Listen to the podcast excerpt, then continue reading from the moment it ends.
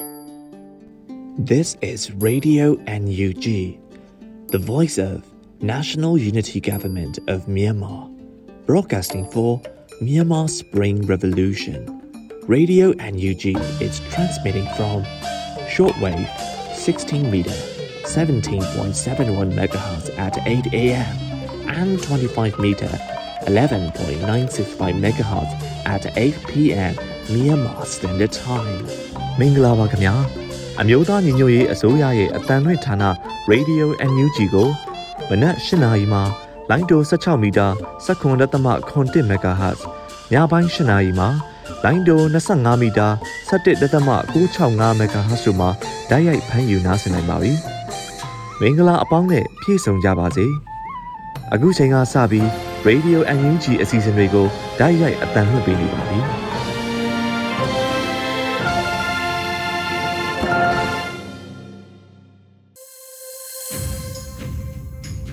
မင်္ဂလာပါခင်ဗျာတောတာရှင်တွေအားလုံးကိုစိတ်နှပါအေးချမ်းသာရတဲ့နေကင်းချိန်ပိုင်းလေးတစ်ခုဖြစ်ကြပါစေရေဒီယိုအန်ယူဂျီရဲ့မနေ့ကင်းနဲ့ညကင်းပိုင်းပုံမှန်ထုတ်လွှင့်မှုအပြင် Facebook စာမျက်နှာပေါ်ကနေကင်းပိုင်းတိုးချက်ထုတ်လွှင့်မှုစီစဉ်တွေကိုစတင်ပါတော့မယ်ကျွန်တော်ကတော့လွတ်လပ်နေဦးပါနိုဝင်ဘာလ18ရက်နေ့ဒီကနေ့နေကင်းပိုင်းမှာခါတိုင်းလိုပဲနောက်ဆုံးရသတင်းများကိုຫນွေဦးရွှေဝါကဥစွာဖတ်ကြားတင်ဆက်ပေးမှာဖြစ်ပါတယ်။ ဒီနောက်မှာတော့အသိပညာရှေ့ဆောင်တဲ့တော်လန်ရေးဆိုတဲ့အစီအစဉ်ဖြစ်ပါတယ်ဒီအစီအစဉ်မှာတော့ကိုနေပုံးလက်ကိုတေစာဆန်းနဲ့ဦးနိုင်ထူအောင်တို့သုံးဦးဆွေးနွေးထားတဲ့တော်လန်ရေးစကားဝိုင်းဖြစ်အပိုင်းတစ်ကိုပုံဖော်ထားပါတယ်ပြီးရင်တော့အမေရင်ခွင်ကိုစွန့်အိမ်အရိတ်ခွာပြီးတောရောက်တောင်ရောက်ရဲဘော်အားလုံးရဲ့ကိုစားဤကဲအမည်နဲ့ပေးပို့လာတဲ့ PDF စစ်သားဆိုတဲ့အိမ်အလွမ်းတေးတပုတ်နဲ့ဖြော်ပြပေးဖို့ရှိပါတယ်။ ပရိသတ်များခင်ဗျာရေဒီယိုအန်ယူဂျီရဲ့သတင်းတွေနဲ့အစီအစဉ်တွေကိုတင်ဆက်ရမှာပရိသတ်တွေဘက်ကသတင်းစီစဉ်မှုအသစ်တွေကိုဖမ်းယူနားဆင်နိုင်ဖို့စ조사ပေးလျက်ရှိနေပါတယ်။ဒါကြောင့်နေ့စဉ်နေ့ကင်း2နာရီခွဲအချိန်တိုင်းမှာပုံမှန်စောင့်ကြည့်နားဆင်ပေးဖို့ကိုလည်းဖိတ်ခေါ်ပါရစေ။ UNG ရဲ့အတန်းပြည်သူ့ထံမြန်မြန်ဆန်ဆန်ရိုက်ခတ်နားဆင်နိုင်ဖို့ကျွန်တော်တို့စ조사ပေးနေပါတယ်။အခုချိန်ကစပြီး နှွေဦးရွှေဝါတင်ဆက်ထားတဲ့နောက်ဆုံးရသတင်းများကို နားဆင်နိုင်ပါပြီခင်ဗျာဒေါ်လာဈေးပြန်ကျိန်သွားတဲ့အတွက်ပြည်တွင်းပြောင်းစီအနှင်းငယ်ပြန်ကျဆိုတဲ့သတင်းကိုတင်ဆက်ပေးပါမယ်။ဒေါ်လာဈေးတွေပြန်ကျနေတဲ့အပြင်တရုတ်တင်ပို့မှုလုံးဝရန်နာထားရတဲ့အတွက်ပြည်တွင်းပြောင်းစီအနှင်းငယ်ပြန်လည်ကျဆင်းသွားကြောင်းပြောင်းကုန်တယ်စီကနေသိရပါဗျ။ဒါပေမဲ့ပြီးခဲ့တဲ့နှစ်ပြောင်းပေါ်ချိန်နဲ့ရှင်းမယ်ဆိုလို့ရှိရင်တော့အမြင့်ဈေးမှာရှိနေကြောင်းပြောင်းကုန်တယ်တွေကပြောပါဗျ။အရင်ကဒေါ်လာဈေးမြင့်တက်ချိန်မှာပြောင်းတပိတ်တာကိုကျပ်900ကနေပြီးတော့800အထိရှိခဲ့ပြီးတော့လက်ရှိချိန်မှာတော့ပြောင်းတပိတ်တာကိုကျပ်650ကနေ660ဝန်းကျင်ကြားရှိတယ်လို့ပြောင်းကုန်တယ်တွေကသိရပါတယ်။ ပြောင်းစည်းအနှင်းငယ်ပြန်လဲကျဆင်းပေမဲ့အရင်နှစ်ပြောင်းပေါ်ချိန်နဲ့ရှင်မယ်ဆိုလို့ရှိရင်တော့ပြောင်းစည်းဟာအမြင့်ဈေးမှာရှိနေကြောင်းပြောင်းကုန်တယ်တွေကပြောပါတယ်။ဒေါ်လာဈေးတွေတက်သွားတော့ပြောင်းဈေးတွေတက်သွားတာပါအခုဒေါ်လာဈေးကငြိမ်သွားတော့ပြန်ဆင်းတဲ့သဘောပါတပိတ်တာကို900အထိတော့ကြားလိုက်မြင်လိုက်ပါပဲလို့မြန်မာနိုင်ငံပြောင်းလုပ်ငန်းအသင်းဥက္ကဋ္ဌဦးမင်းခိုင်ကပြောပါတယ်လက်ရှိနိုဝင်ဘာလဟာမိုးပြောင်းပေါ်ချိန်ဖြစ်ပြီးတော့ဈေးကွက်အတွင်းကိုအနှင်းငယ်သာဝင်နေသေးကြောင်းနဲ့အယောင်းဝယ်ပုံမှန်အနေထားမှာရှိကြောင်းသိရပါတယ်။ အယောင်းဝယ်ကတော့ပုံမှန်သွားနေတယ်ဒါပေမဲ့ပြီးခဲ့တဲ့၄၅ -6 ရက်ကကြေညာထားတဲ့ကုန်စည်တွေအယောင်းဝယ်လုပ်တဲ့အခါမှာကျက်သိန်းတရာထဲပို့မယ်ဆိုလို့ရှိရင်တော့ digital banking system နဲ့တွားရမယ်ဆိုတဲ့အမိန့်တစ်ခုကတကယ်အသက်ဝင်လာတဲ့အခါမှာလို့ရကန်ရခတ်တဲ့အနေထားရှိနိုင်တယ်လို့ဥက္ကဋ္ဌဦးမင်းခိုင်ကဆက်ပြောပါတယ်။ဒေါ်လာဈေးမြင့်တက်ခဲ့တာကြောင့်73စီဈေးတွေပါမြင့်တက်နေပြီးတော့ ပြောင်းတင်ပို့ရမယ့်အချိန်မှာကားကဈေးကြီးပြီးခီးစိတ်မြင့်တက်လာတာကြောင့်တည်ယူပို့ဆောင်ရေးအပိုင်းမှာအခက်အခဲတွေ့ခဲ့ပြီးတော့အမြင့်နှဲခဲ့တယ်လို့လည်းပြောင်းဆိုင်တောင်သူတွေကပြောပါတယ်။တရုတ်နိုင်ငံဘက်ကကိုဗစ်ရောဂါအခြေအနေတွေကြောင့်နယ်စပ်ဂိတ်တွေပိတ်ထားပြီးတော့လက်ရှိအချိန်မှာပြောင်းပေါ်ချိန်ဖြစ်နေပြီးမို့ပြောင်းပြန်လဲတင်ပို့နိုင်ရင်နယ်စပ်ဂိတ်တွေကိုပြန်လည်ဖွင့်လှစ်ပေးရေးကိုလည်းပြင်ဆင်နေကြောင်းပြောင်းကုန်တယ်တွေကပြောပါတယ်။ တချို့နိုင်ငံတွေကိုတော့ပင်လယ်ရေကြောင်းကနေသွားနေတာပေါ့။အခုတရုတ်ပြည်ကိုနယ်စပ်ကနေတင်ပို့ဖို့ကုန်တယ်တွေစုပြီးတော့တင်ပြဖို့လုပ်နေတယ်။ခွင့်ပြုရင်အဆင်ပြေတာပေါ့လို့ပြောင်းကုန်တယ်တူကပြောပါတယ်။လက်ရှိမှာပင်လယ်ရေကြောင်းကနေတဆင့် normal trade အနေနဲ့အိန္ဒိယနဲ့ Vietnam ဘက်ကိုအနည်းငယ်သာတင်ပို့နေကြောင်းသိရပါတယ်။ပြည်ပနိုင်ငံတွေကပြောင်းထွက်နေနေပြီးတော့လိုအပ်ချက်တွေရှိနေဦးမှာဖြစ်တဲ့အတွက်ပြောင်းစည်းကွက်အနေထားပုံမူကောင်းတဲ့အလားအလာရှိကြောင်းသိရပါတယ်။စောင်းပြောင်းကိုတော့နိုဝင်ဘာလမှာစတင်စိုက်ပျိုးတော့မှာဖြစ်ကြောင်းနဲ့ စိုက်ပျိုးဖို့အတွက်ဒေါ်လာဈေးမြေဩစာအပါအဝင်သွင်းအားစုဈေးများမြင့်တက်နေပြီးအစားထိုးသီးနှံတွေပြောင်းလဲစိုက်ပျိုးမှုတွေရှိနေတဲ့အတွက်ပြောင်းထွက်နှုန်းမှာကျဆင်းနိုင်မှာဖြစ်ကြောင်းသိရပါတယ်ရှင်။အခုဆက်လက်ပြီးမြို့သားညီညွတ်ရေးအစိုးရပညာရေးဝန်ကြီးဌာနမှကျောင်းသားကျောင်းသူလူငယ်တွေစင်ဆက်မပြတ်တည်ယူနိုင်ဖို့အတွက်ဂျားကာလာပညာရေးအစီအစဉ်ရအကောင့်တွေပေါ်ဆောင်ရွက်တဲ့ Public Lecture အစီအစဉ်ကိုနိုဝင်ဘာလ18ရက်နေ့ကအတည်ပြုထုတ်ပြန်ထားပါတယ်။ အမျိုးသားညီညွတ်ရေးအစိုးရရဲ့သက်ဆိုင်ရာဝန်ကြီးဌာနမှထုတ်ပြန်ထားတဲ့ COVID-19 ရောဂါကာကွယ်ရေးနည်းလမ်းတွေ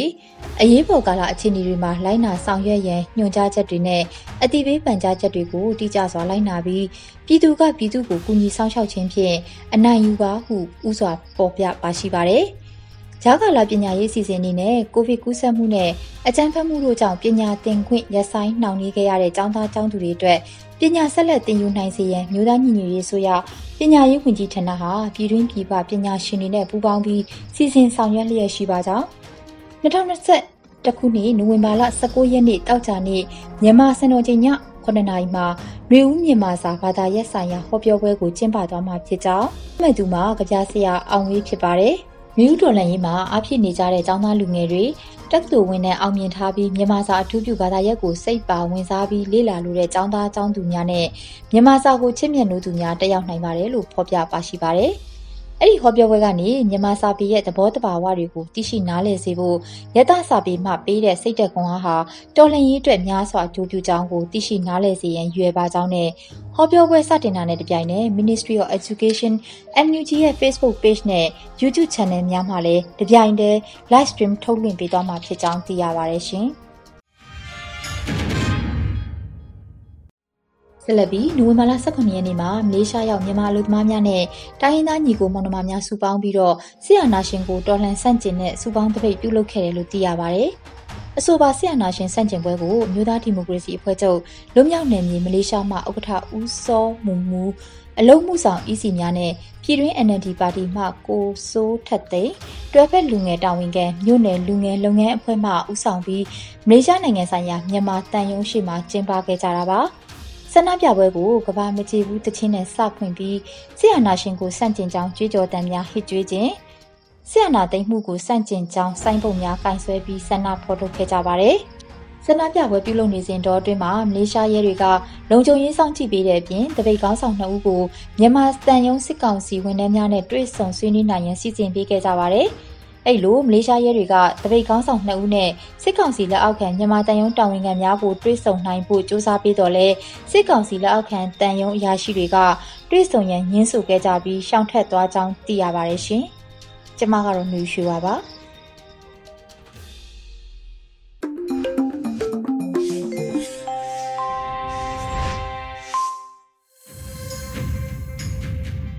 ရေဒီယိုအန်ယူဂျီရဲ့နောက်ဆုံးရသတင်းများကိုနားဆင်ခဲ့ကြရတာဖြစ်ပါတယ်။အခုဆက်လက်နားဆင်ရမယ့်အစီအစဉ်က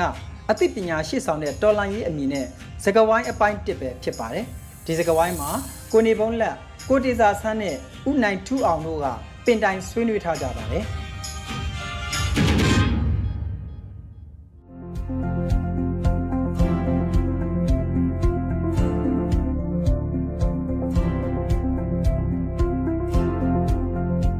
ကဲ့ကျွန်တော်တို့ဒီနေ့ကိုကိုနိုင်ထူအောင်နဲ့ကိုဒေတာဆန်ရေးတွေ့ရတာဝမ်းသာပါတယ်ဝမ်းသာတယ်လို့ပြောရတာလဲ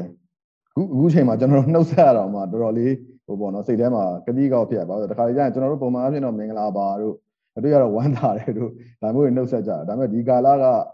ဝမ်းသာလို့လည်းမရဘူးခုနကပြောဆိုမင်္ဂလာရှိတဲ့ကာလလည်းမဟုတ်ဘူးဖြစ်နေတာပေါ့နော်အဲ့တော့ကျွန်တော်တို့က ဒါလုံရိုးလို့စင်တိုင်းသာနှုတ်ဆက်တယ်ဆိုရင်မှလည်းဒီအခြေအနေကြီးကတော့အားလုံးစိတ်မချမ်းမသာဖြစ်ရတဲ့အခြေအနေပေါ့နော်အဲ့တော့ကျွန်တော်တို့ညီကိုတွေဒီနေ့တော့ချုပ်ကိစ္စလေးကျွန်တော်ဆွေးနွေးနေတာရှိပါတယ်ကိုနိုင်ထူအောင်ကိုဒေတာဆန်းတို့လည်းဒီຫນွေဦးဒေါ်လာရင်းမှာဒါတကယ်ကိုအခြေခံကြတဲ့အခန်းကဏ္ဍတွေကနေပါဝင်နေကြတဲ့သူတွေဆိုတော့လေပြည်သူတွေသိကျင်လာတဲ့သိကျင်တဲ့ကိစ္စလေးနဲ့ပတ်သက်ပြီးတော့အဲဆွေးနွေးကျင်တာလေးရှိပါတယ်ဗျအဲ့တော့အခုဆရာကိုကိုဒေတာဆန်းကနောက်မှာမန်းလေးတောင်ကြီးနေလားကိုကိုနိုင်ထူအောင်ကကြတော့နောက်မှာမှာ MOD ရဲ့ ကျွန်တော်တို့ပြောပြည်သူ့ကာကွယ်ရေးတပ်မတော်ရဲ့အလံကြီးပေါ့နော်အဲ့တော့ဒါ MOD ကတယောက်နဲ့ဒါမန္တလေးသားကြီးနဲ့ပေါ့ကျွန်တော်တို့ဒါကျွန်တော်နဲ့စကားပြောကြမှာပေါ့နော်ဟုတ်အဲ့တော့အခုပထမဆုံးအနေနဲ့လေကျွန်တော်ဒါကိုကိုနိုင်ထူအောင်ပေါ့ကိုနိုင်ထူအောင်ဆိုရင်ဒါလွတ်တော်ကိုယ်စားလှယ်တယောက်ပြီးခဲ့တဲ့ကာလတုန်းကလည်းလွတ်တော်ကိုယ်စားလှယ်လုပ်ခဲ့တယ်အခုလည်းပဲပြန်ပြီးတော့အဲရွေးကောက်ပွဲမှာပြန်ပြီးတော့ရွေးချယ်ခံရတယ်ပေါ့နော်ဒါဒါပေမဲ့လည်းဒါအာနာသိန်းတဲ့အတွက်ကြောင့်မလို့အခုတော့လွတ်တော်မတက်ပဲနဲ့အခြားအလုပ်တွေလုပ်နေရတယ်ပေါ့နော် အဲ့တော့အဲ့တော့အဲ့အဲ့အနေထားတစ်ခုပေါ့နော်အဲ့တော့ဒီအာနာသိန်းနဲ့ဒီမဟာလာတို့အုပ်စုကလည်းသိရတဲ့အတိုင်းပဲဒီအာနာသိန်းတာကမဲစင်းမှားလို့ပါဆိုပြီးပြောတယ်နော်ဒါမတမာမှုတွေရှိလို့ပါဆိုပြီးပြောပြီးတော့ဒါအကြောင်းပြပြီးတော့သိန်းတယ်ပေါ့နော်အဲ့တော့ကျွန်တော်ကိုနိုင်ခုအောင်ကိုနည်းနည်းအဲမေးချင်တာပေါ့နော်ဟိုကျွန်တော်တို့ကဗာကက်ကိုနိုင်ခုအောင်ဗာကက်ပြီးတော့နိုင်ခဲ့တာလားပေါ့နော်ဟိုမဲစင်းမှားတယ်ဆိုရင်လည်းကက်နိုင်တယ်ဘာညာဆိုရင်တော့မဲစင်းမှားလို့ဘာညာဖြစ်နိုင်သေးတယ်အဲ့ တော့ဘလို့အနေထားမျိုးနဲ့နိုင်ခဲ့လဲနောက်ပြီးတော့ဒီမဲစင်းမှားတယ်ဆိုတဲ့ဒီအကြောင်းပြချက်ကိုကိုနိုင်ခုအောင်အနေနဲ့ဘယ်လိုမျိုးအဲသုံးသပ်ချင်လဲဆိုအဲ့ဒါလေးပြောပြပေးပါဦးဒီပထမဆုံးပေါ့နော်ကျွန်တော်ဒီ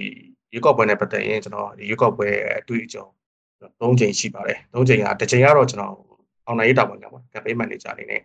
ဒီ2010နှစ်ဟိုဂျာပြရွေးကောက်ပွဲမှာနထွေးမဲဆန္ဒနိုင်ငံနဲ့တာဝန်ယူခဲ့ပါတယ်နောက်တစ်ခုကကျွန်တော်ဒီ2015နဲ့ဒီ2020မှာတော့ကျွန်တော်ကိုယ်တိုင်ပေါ့နော်နထွေးမြို့နယ်ဒီပြည်သူ့လွှတ်တော်မဲဆန္ဒနိုင်ငံမျိုးရောက် ရှင်ပြိုင်ခဲ့ပါတယ်ခုနကဒီ2020ပေါ့နော်ဒီရွေးကောက်ပွဲရတဲ့နဲ့ပတ်သက်ပြီးတော့အာဒီပြောရမယ်ဆိုရင်တော့ကျွန်တော်ဒီ69ရာခိုင်နှုန်းတော့ကျွန်တော်တို့ဒါမဲဆန္ဒမှာပေါ့နော်ပဲပေးတာရရှိခဲ့ပါတယ်အဲ့တော့ဒီကျွန်တော်ဒီအနည်းဆုံးဖြစ်တဲ့ပြိုင်ဘက်ရဲ့မဲကိုနှစ်ဆလွန်အောင်မှကျွန်တော်ရတဲ့မဲကိုမမိပါဘူးတကယ်တကယ်ပြောမယ်ဆိုတော့ကျွန်တော်တို့ဒီကတ်ပြီးတော့အနိုင်ရခဲ့တာမဟုတ်ပါဘူးနောက်ဒီရတဲ့ဟာဆိုရင်လည်းကျွန်တော်တို့တကယ်ကျွန်တော်ရှေ့မှာကျွန်တော်ဝင်ရောက်ရှင်ပြိုင်ခဲ့2015ဆိုရင်ကျွန်တော်တို့56ရာခိုင်နှုန်းကျော်ကျော်ရခဲ့တာပေါ့နော် အဲ့တော့အများကြီးလည်းအဲ့ထက်ပိုပြီးတော့လည်းဟိုပြပြတတဟိုကျွန်တော်အနိုင်ရခဲ့ပါတယ်နိုင်ရခဲ့တဲ့ပြပြတတဆိုတဲ့နေရာမှာလည်းဟိုဒါကျွန်တော်ရွေးကောက်ပွဲမတိုင်ခင်တည်းကဒီချိန်ကတော့ပိုပြီးပြတ်သားနိုင်တယ်ဆိုတော့သိပါတယ်ဘာဖြစ်လို့လဲဆိုတော့ဒီကျွန်တော် NLD ဆွဲရတဲ့ထက်မှာဟိုမှာကျွန်တော်တို့မြို့နယ်မှာဆိုရင်ဒီလျှက်စစ်မီလီယံနဲ့ပတ်သက်တာဆိုရင်မြို့နယ်လုံးမီလီယံသွားတယ်ကျွန်တော်တို့ဒါအရင်တော့ကိုတူကိုတာမျိုးမဟုတ်ပဲမီလီယံသွားတယ်နောက်ပြီးတော့ဒီပေါ့နော်ဒီရေရရှိရေးတွေအိမ်ထိုင်ရောက်ရေးပေးတဲ့စနစ်တွေကြေးရွာတွေမှာဖြစ်တာကျွန်တော်ဆောင်ရွက်နိုင်တယ်။နံပါတ်ဆက်တွေအများကြီးအစာပေါင်းများစွာပိုကောင်းတော့တယ်ပေါ့နော်။ဒီလိုမျိုး ပြည်သူတွေရဲ့ဟိုကျွန်တော်ဒီလိုအပ်ချက်တွေကိုဖြည့်ဆည်းပေးနိုင်ခဲ့တယ်။ပြည်သူတွေနဲ့တသားတည်းရှိခဲ့တာဖြစ်တဲ့အတွက်ကျွန်တော်မလို့ဒါအမဲရရှိမှုပုံမှန်နိုင်တယ်ဆိုတော့ကျွန်တော်ဒါသိရှိကျွန်တော်ဒါငကိုလေးသိရှိထားပြပါ။တော်ရောကျွန်တော်ဒီမဲနဲ့ပတ်သက်တဲ့ကိစ္စတွေနဲ့ပတ်သက်ရင်ကျွန်တော်တို့ဒါဘုလိခါရှိရှိတိတ်ခါရှိရှိနဲ့ပဲပြင်ပြခဲ့တယ်။နောက်ကျွန်တော်မဲစင်းရလနဲ့ပတ်သက်ရင်လည်းကျွန်တော်အမဲစင်းအနေထားနဲ့ပတ်သက်ပြီးပြောမယ်ဆိုတော့ကျွန်တော်ရွေးကောက်ပဲရှင်းမှပြောရဲဆိုတွေ့ကြုံအာဒါ၃ချိန်ရှိပါတယ်ဒီတော့ဒီ2020ရွေးကောက်ပွဲမှာဒီမဲစင်းနဲ့ပတ်သက်တဲ့ကိစ္စဖြစ်ပေါ့နော်ဒီအငြင်းပွားစရာဖြစ်တယ်ဆိုတော့တကယ်ပြောရင်အနည်းဆုံးလို့ပြောလို့ရပါတယ် 15ပါဆိုကျွန်တော်ဒါမဲစင်းကိစ္စတွေအများကြီးရှိခဲ့တယ်ဒါဆိုရင်ကျွန်တော်တို့ဥမာပေါ့နော်15ပါဆိုရင်ဒါဟိုအတိတ်ပြန်ခံတာတော့မဟုတ်ပါဘူးဒါနိုင်ရှင်လို့ရအောင်စဉ်းစားလို့ရအောင်ပြောတာပေါ့နော်အကောင်တော့ဆိုဥမာအဲကျွန်တော်တို့နဲ့ပြိုင်တဲ့ဝင်ကြီးတယောက်ဆိုရင်သူ့ရဲ့ဝန်ထမ်းတွေရဲ့မဲတွေကကျွန်တော်မဲဆန္ဒနယ်မှာဝင်လာတွေရှိခဲ့တယ်ဒါကိုကျွန်တော်တို့ဒီလိုမျိုးကန့်ကွက်ခဲ့ရတယ်ဒီဒါဒါတကယ်လည်းဒါကိစ္စတွေကပေါ်လွင်ခဲ့တယ်ဒါမဲစင်းကိုပေါ်လွင်ခဲ့လို့တွေးခဲ့လို့ပြန်ပြီးပြဖြတ်ခဲ့ရတယ်ရှိခဲ့ပါတယ်ဒါမျိုး2020မှာလုံးဝမရှိခဲ့ဘူးကျွန်တော်ဒါဒါလုံးဝစီချန်နယ်ဖြစ်ခဲ့တယ် ကျွန်တော်နောက်7နှစ်တုန်းကဆိုတော့ဒါအမားတွေအများကြီးပဲတွေ့ခဲ့ရတယ်ကျွန်တော်တို့ကိုယ်တိုင်ဒီအရာတွေနဲ့ပတ်သက်ပြီးတော့ဆောင်ရွက်ခဲ့တယ်ရှိပါတယ်20ရအဲ့ထက်အများကြီးပို့ပြီးတော့ကောင်းတဲ့အနေနဲ့ရှိပါတယ်မိုင်နာလေးတွေကတော့နည်းနည်းပါးပါးရှိကောင်းတော့ရှိတယ်ဒါဒါဒီမဲပေးတာတွေလုံးဝမထိခိုက်နိုင်ဘူးဒါတွေလည်းအချိန်ကြီးပြင်ဆင်ခဲ့တယ်ပေါ့နော်ဟိုမှာကျွန်တော်ကြီးရွာတရွာမှာဆိုရင်ဒါဟိုတို့ဖြည့်လိုက်တဲ့အခါမှာမှားသွားလို့ဒီပေးနာမည်တစ်ခုကျွန်တော်တို့တစ်ခုလေးဖြစ်နေလို့ရှိတယ်ဒါပေမဲ့ဒါလည်းကျွန်တော်တို့လည်းကန်ကွက်တယ်နော်ကြေးရွာသူတွေလည်း YB ကန်ကွက်တယ်ဒါလည်းအ ချက်လက်ပေါင်းများစွာတွေကတစ်ချက်လောက်လေးပဲကျွန်တော်လွဲတာဖြစ်တယ်ဒါလည်းဟိုရိုးသားသားလွဲတယ်ဆိုတာသိတာတယ်ပေါ့နော် typing error လိုဟာမျိုးဖြစ်ခဲ့တယ်ဒါကိုလည်းဟိုပြန်လဲပြင်ဆင်ခဲ့တာမျိုးဖြစ်တယ်တော့နောက်တော့အချက်လက်တွေအားလုံးလွဲနေတာမဟုတ်ဘူးမဲစင်းမှာမပါတဲ့သူတွေပါနေတာမျိုးမဟုတ်ဘူးဒီအချက်လက်တွေမဲစင်းမှာပါတဲ့အချက်လက်တွေအများကြီးတွေကဟိုတစ်ခါတလေမှာ error ကြောင့်ဖြစ်တယ်ဒါကိုလည်းဒါဝင်လဲမြတ်တော်နဲ့ကြီးညာထားတာဖြစ်တော့အားလုံးသတိထားမိတယ်ပြန်ပြင်ခဲ့တယ်ဆိုတာဒါမျိုးပဲရှိပါတယ်အဲ့တော့ဒီမဲရလက်နဲ့ပတ်သက်ပြီးတော့ထိခိုက်နေတဲ့ကိစ္စမျိုးတွေမရှိဘူး ဟိုထိခိုက်နိုင်တဲ့ကိစ္စမျိုးတွေမျိုးလုပ်ခဲ့ရင်လည်းဒါတိုင်ကြလို့ရခဲ့တယ်ရှိလည်းမရှိခဲ့ဘူးဒါနဲ့ပတ်သက်လို့ရှိရင်ပြီးတော့ကျတော့ကျွန်တော်ဒါပြန်လဲပြင်ဆင်မှုတွေလည်းလုပ်ခဲ့တယ်ဒီရခင်တုန်းကအဲကျွန်တော်ဒီရွေးကောက်ပွဲတွေနှိုင်းစင်တယ်ဒါဒီ2020ရွေးကောက်ပွဲမှာဖြစ်ခဲ့တဲ့ဒီမဲစင်းကိစ္စရပ်တွေနဲ့ပတ်သက်လို့ရှိရင်တော့ဒါအများကြီးပို့ပြီးတော့နော် minor over change တချို့တွေတော့ရှိနိုင်တယ်ရှိတယ်ပြည်စုံတယ်ဆိုတော့မဖြစ်နိုင်ဘူးမဲစင်းကတိုးတိုးတော်လည်းပဲအများကြီးပုံမကောင်းတဲ့မဲစင်းတစ်ခုဖြစ်တယ်ဆိုတော့ကျွန်တော်ရဲ့အတွေ့အကြုံရတာကျွန်တော်ရေးရေးပြောနိုင်တယ်။နောက်ရွေးကောက်ပွဲရလက်တွေနဲ့ပတ်သက်လို့ရှိရင်ကျွန်တော်ရာနှုန်းပြလိပ်ပြလို့ねဒါကိုဒါကိုပြောပြောကြနိုင်ပါတယ် ဟုတ်ပါတယ်ဒါဟိုကိုကိုနိုင်တို့အောင်ပြောသွားသလိုပဲပေါ့နော်တကယ်တမ်းကျတော့ just excuse ပါနော်ဒါတမင်တက်တက်အကြောင်းရှာပြီးတော့ပြောတဲ့ကိစ္စပါနော်ဘာလို့လဲဆိုတော့ဒါအဲ့ခုနကလိုပဲနိုင်ငံတကာမှာလည်းဒီလိုမျိုးရွေးကောက်ပွဲဆိုတော့ဗျာ100%လုံးဝကိုအမှားယွင်းဟိုကင်းတယ်ဆိုတဲ့ဟာမျိုးကတော့မရှိပါဘူးဒါအသေးဖွဲလေးတွေရှိကောင်းရှိနေတယ်ဒါပေမဲ့အဲ့လိုမျိုးအသေးဖွဲလေးတွေဆိုတာတကယ်တမ်းမဲပေးခဲ့တဲ့လူတွေကအများကြီးလေနော်နော်တန်းတန်း50နီးပါးမှာကျွန်တော်တို့မဲပေးခဲ့တဲ့လူတွေကအများကြီး ဟောမှန်ခဲ့တဲ့လူတွေကအများကြီးပေါ့နော်အဲ့ဒီဟာအဲ့လူတွေကိုဥပ္ပကပြုပြီးတော့ဒီလိုမျိုးအကြောင်းပြပြီးအာနာသိမ့်နေဆိုတော့ဒါမဖြစ်တဲ့မဖြစ်ထိုက်တဲ့ကိစ္စဖြစ်ပါတယ်ကိုရီးယားဆန်းကိုရီးယားဆန်းကောဘယ်လိုထင်လဲဗျဒီဒီမာလာတို့အုပ်စုကဘာကြောင့်အာဏာသိမ်းတာလဲနောက်ပြီးတော့နော်ကိုဒေတာဆန်းကိုတိုင်လည်းဒါစခဲ့တာပေါ့ဗျာနော်ဒီဒီအာဏာသိမ်းမှုကိုပထမဦးဆုံးစန့်ကျင်ခဲ့တဲ့သူဖြစ်တဲ့အတွက်ကြောင့်မလို့ကျွန်တော်တို့ဒီအာဏာသိမ်းတာကိုဘာကြောင့်သိမ်းတာလဲပြီးတော့ဒီအာဏာသိမ်းမှုကိုပြည်သူတွေအနေနဲ့လည်း တနိုင်ငံလုံးတိုင်းတာနဲ့ဘာကြောင့်ကျွန်တော်တို့စန့်ကျင်ခဲ့တယ်ဆိုတာလေးကိုကိုဒေတာဆန်းနဲ့ဆွေးနွေးပြပါအောင်ဗျဟုတ်ကဲ့အမင်္ဂလာပါကိုအဲ့တော့ဗျာကျွန်တော်တို့ကျူဆတာပေါ့နော်ဒီကျန်းဖက်စစ်ကောင်စီဒီပြည်သူအသေးချာကမဲတပြားပေါ့ပြည်သူလူထုရင်ထဲအသေးတွေကနေပြီးတော့2020ရွေးကောက်ပွဲရလက်ကိုပဲပြောပြော2015ရွေးကောက်ပွဲရလက်လို့ပဲပြောပြောဒီရွေးကောက်ပွဲရလက်တွေဒီ တကယ်ပြည်သူလူထုရဲ့ဆန္ဒသဘောထားကိုအပြည့်အဝနော်ထင်ဟပ်တယ်ပုံဖော်တယ်ဆိုတာဒါကျွန်တော်ရေပုံရာအဖြစ်ပောက်ချက်ချနိုင်တယ်ဆိုတာဘယ်သူမှမငင်းနိုင်ပါဘူးနော်ပြည်တွင်းပြည်ပရွေးကောက်ပွဲရဗျာကျွန်တော်တို့ကတိတ်တိတ်ဟဲ့လားတိတ်တိတ်ခိုးလုပ်ခတာမဟုတ်ဘူးကြာဟဲ့လားကဘာလေတရုတ်ဝင်ဟဲ့လားစောင်းကြည့်လေးလာသူတွေတက်သေးတွေတက်ကာရတွေအများကြီးရှိတယ်ပြည်တွင်းပြည်ပဟဲ့လားအဲ့တော့ကျွန်တော်တို့ကိုတူးချင်းတယောက်ချင်းရဲ့အကြိုက်ဟာတွေရတဲ့ကြိုက်ချင်းမကြိုက်ချင်းအဲ့ရှိနေတယ်အားလုံးခြုံပြီးတော့ရရင်ဒီရွေးကောက်ပွဲတင်ပြီးကျွန်တော်တို့နော်ဒီတရားမျှတတယ်လက် ဆောင်ကျွန်တော်တို့ပြည်တွင်းစီလေးလာသူတွေအားရောပြည်ပစောင်းကြည့်လေးလာသူတွေအားတာလုံးဝပြပြဝဝထောက်ခံဘောဓာပေးပြီးသားဒါကြောင့်ကျွန်တော်ကတော့ရွေးကောက်ပွဲရလက်ကိုရမယ်ဖွဲ့ရုံးမယ်ဖွဲ့တယ်ဆိုတာဒါဒီတက်တက်အကြောင်းမရှိအကြောင်းရှာတဲ့ကိစ္စလို့နံပါတ်1ပြောချင်ဒါဒီကျွန်တော်တို့တကယ်စစ်မှန်တဲ့နော်အကြောင်းတရားဘယ်လိုမှမဟုတ်ပါဘူးဟုတ်ပြီဒါဆိုဘာကြောင့်အာဏာသိမ်းနေလဲတော့ထင်တယ်ဒါကတော့ဒီစစ်ကောင်စီဒီလူထုစန္ဒကိုနော်မလိုက်ရောနိုင်တဲ့နော် သူ့အနေနဲ့နော်လူထုရဲ့ဆန္ဒသဘောထားနဲ့အတူမရှိတာလူထုနဲ့အတူတခီးတည်းမသွားကျင်တာလူထုသဘောထားကိုနော်မရှိရှုတာလို့ပြောချင်ကျွန်တော်ပြည်သူကဘာလို့ကျွန်တော်တို့ကရှင်းရှင်းလေးပဲဒီနိုင်ငံကိုဟုတ်လားကျွန်တော်တို့ကလူအခွင့်အရေးတွေပြေဝစေခြင်းနဲ့ဒီမိုကရေစီအခွင့်အရေးတွေရခြင်းနဲ့ဖွံ့ဖြိုးခြင်းနဲ့တိုးတက်စေခြင်းနဲ့ငြိမ်းချမ်းစေခြင်းဒါကကျွန်တော်တို့ပြည်သူလူထုအားလုံးရဲ့သဘောထားသို့တော့အကြမ်းဖက်ဒီစစ်အုပ်စုကတော့ဟုတ်လားဒီနိုင်ငံကိုနှစ်ပေါင်းများစွာသူတို့လဝကြီးအုပ်ခြင်းနဲ့ဒီနိုင်ငံကိုသူတို့အမွေရထားသလိုပဲပြုမှုတဲ့ဆက်ဆံနေဗျာ ဟုတ်လားဒီနိုင်ငံကိုသူတို့ဆွဲထားခြင်းအဲ့တော့ဒီလိုမျိုးသူတို့ဖြစ်ချင်တဲ့အရာတွေဖြစ်မလာတဲ့အခါမှာလူထုဆန္ဒနဲ့သူတို့ဆန္ဒနဲ့ဖီလာကန့်လန့်ဖြစ်တဲ့အချိန်မှာအခုလိုမျိုးဒါလက်နက်အားကိုးပြီးတော့လူထုဆန္ဒကိုကျွန်တော်ပြောရရင်တော့ဒါနိုင်ကျင့်လိုက်တာပဲဥပဒေနဲ့ပြောရရင်ဒါတော့လူထုအသေးချာမဲတပြားရလက်တွေကိုဒါနော်စန့်ကျင်လိုက်တာပဲလို့ကျွန်တော်ယူဆတယ်ဒါကြောင့်လည်းကျွန်တော်တို့အခုဟလာပြည်သူလူထုတရက်လုံးကလဲနေလီအောင်ရင်းဆောင်မကြံဆိုလိုပဲဗျာလုံးဝလက်မခံဘူးတော့ဒီစစ်အာဏာရှင်စနစ်ကိုအဲကျွန်တော်တို့ဖေဖော်ဝါရီ တရက်နေ့အာဏာသိမ်းနေရတာတောက်လျှောက်နီးလန်းအစုံနဲ့ဒီနေ့10လကျော်ပြီစက်ကျင်တယ်စိတ်ချကျွန်တော်တို့ညှို့ရည်တဲ့နော်ပန်းနိုင်ကိုမရောက်မချင်းလဲကျွန်တော်တို့လူထုကစက်ကျင်သွားမှာပဲဖြစ်တယ်အဲ့တော့ကျွန်တော်အဓိကပြောချင်တာတော့ဒီအာဏာရှင်စနစ်စန့်ကျင်ရေးတိုက်ပွဲဒီဟလာဟိုမိတ်ရပရဒါချတာပဲနော်အဲ့တော့ပါတီတစ်ခုနဲ့ဟလာဒီနိုင်ငံရေးပါတီ